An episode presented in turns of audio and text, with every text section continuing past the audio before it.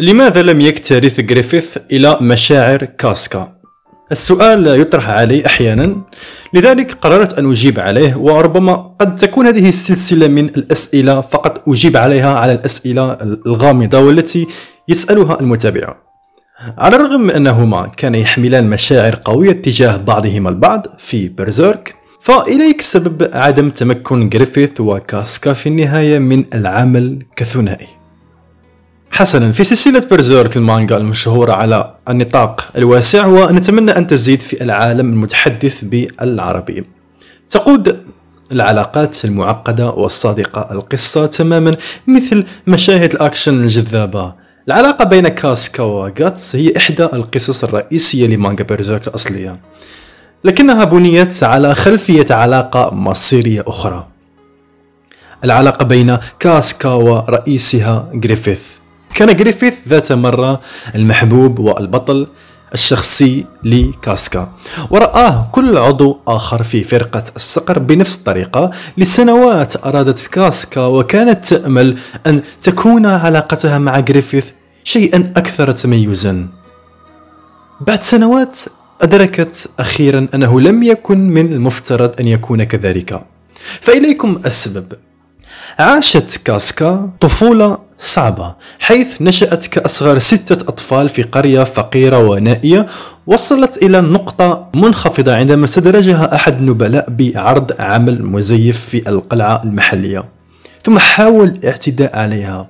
كانت كاسكا عاجزة حتى وصل قائد الفارس الشاب جريفيث ورد الضربة. قام بقطع إحدى آذان النبلاء ولكن بدلا من مجرد إنقاذ كاسكا من المعتدي عليها أراد جريفيث اختبار عزمها. لذلك سلمها سيفا وحثها على إنهاء المهمة. فعلت كاسكا ذلك بالضبط وفي خطوة واحدة سمح لها جريفيث بإنقاذ نفسها مع تمكينها أيضا كمحاربة ناشئة. فقد ترك هذا انطباعا كبيرا على كاسكا التي قررت على الفور اتباع جريفيث في كل مكان يذهب إليه وفعل أي شيء من أجله كفارس صغير. يميل جريفيث إلى إحداث هذا التأثير على الناس. وخلال arc العصر الذهبي لبرزيرك سمح له ذكاءه وتطوره وفطنته وجاذبيته بانتظام بالفوز بأي شخص يحتاجه كحليف لقد أصبح مفضلا لملك ميدلاند وبطل حرب ولكن أصبح من الواضح أن جريفيث يهتم فقط بنفسه وبطموحاته الخاصة. لم تكن كاسكا وأعضاء فرقة الصقر الآخرين سوى أدوات له وفي النهاية أجبر كاسكا على الاعتراف بالهزيمة لم يحبها جريفيث في الواقع بدا أنه بالكاد لاحظها على الإطلاق. بينما اعتنى جريفيث جيدا بأتباعه بما في ذلك كاسكا فقد رآهم جميعا كأدوات لطموحاته بدلا من أصدقاء حقيقيين. بهذا المعنى كان ببساطة مترأس على كاسكا وكان سينهي عقده معها ومع أعضاء فرقة الصقر الآخرين متى تطلب ذلك وإذا كان عليه ذلك بالفعل. لهذا السبب من بين الأمور أخرى لم يستطع جريفيث إرجاع مشاعر كاسكا. ولماذا لديك رغبات رومانسية لبيدق بسيط؟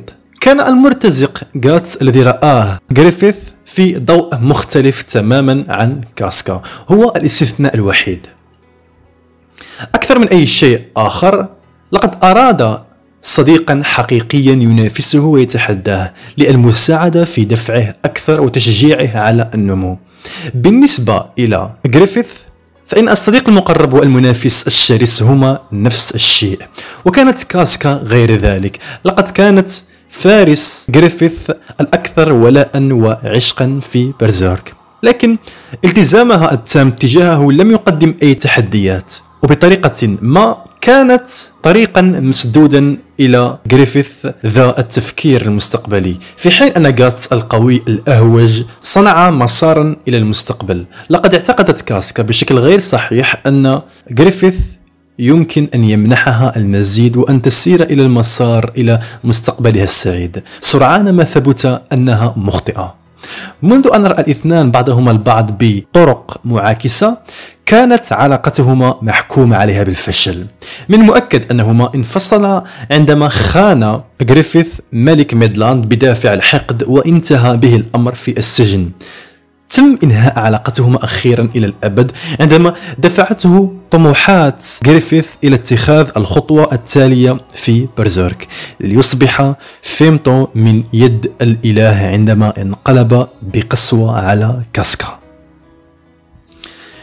شكرا على المشاهدة. إذا أعجبك الفيديو فادعم القناة بالاشتراك بال like ولا تنسى أيضا إعطاء رأيك في التعليقات حتى أطلع عليها وأجيبك إن كانت بها استفسار. حسنا. شكرا لكم على المشاهدة. إلى اللقاء في فيديو آخر. تحياتي.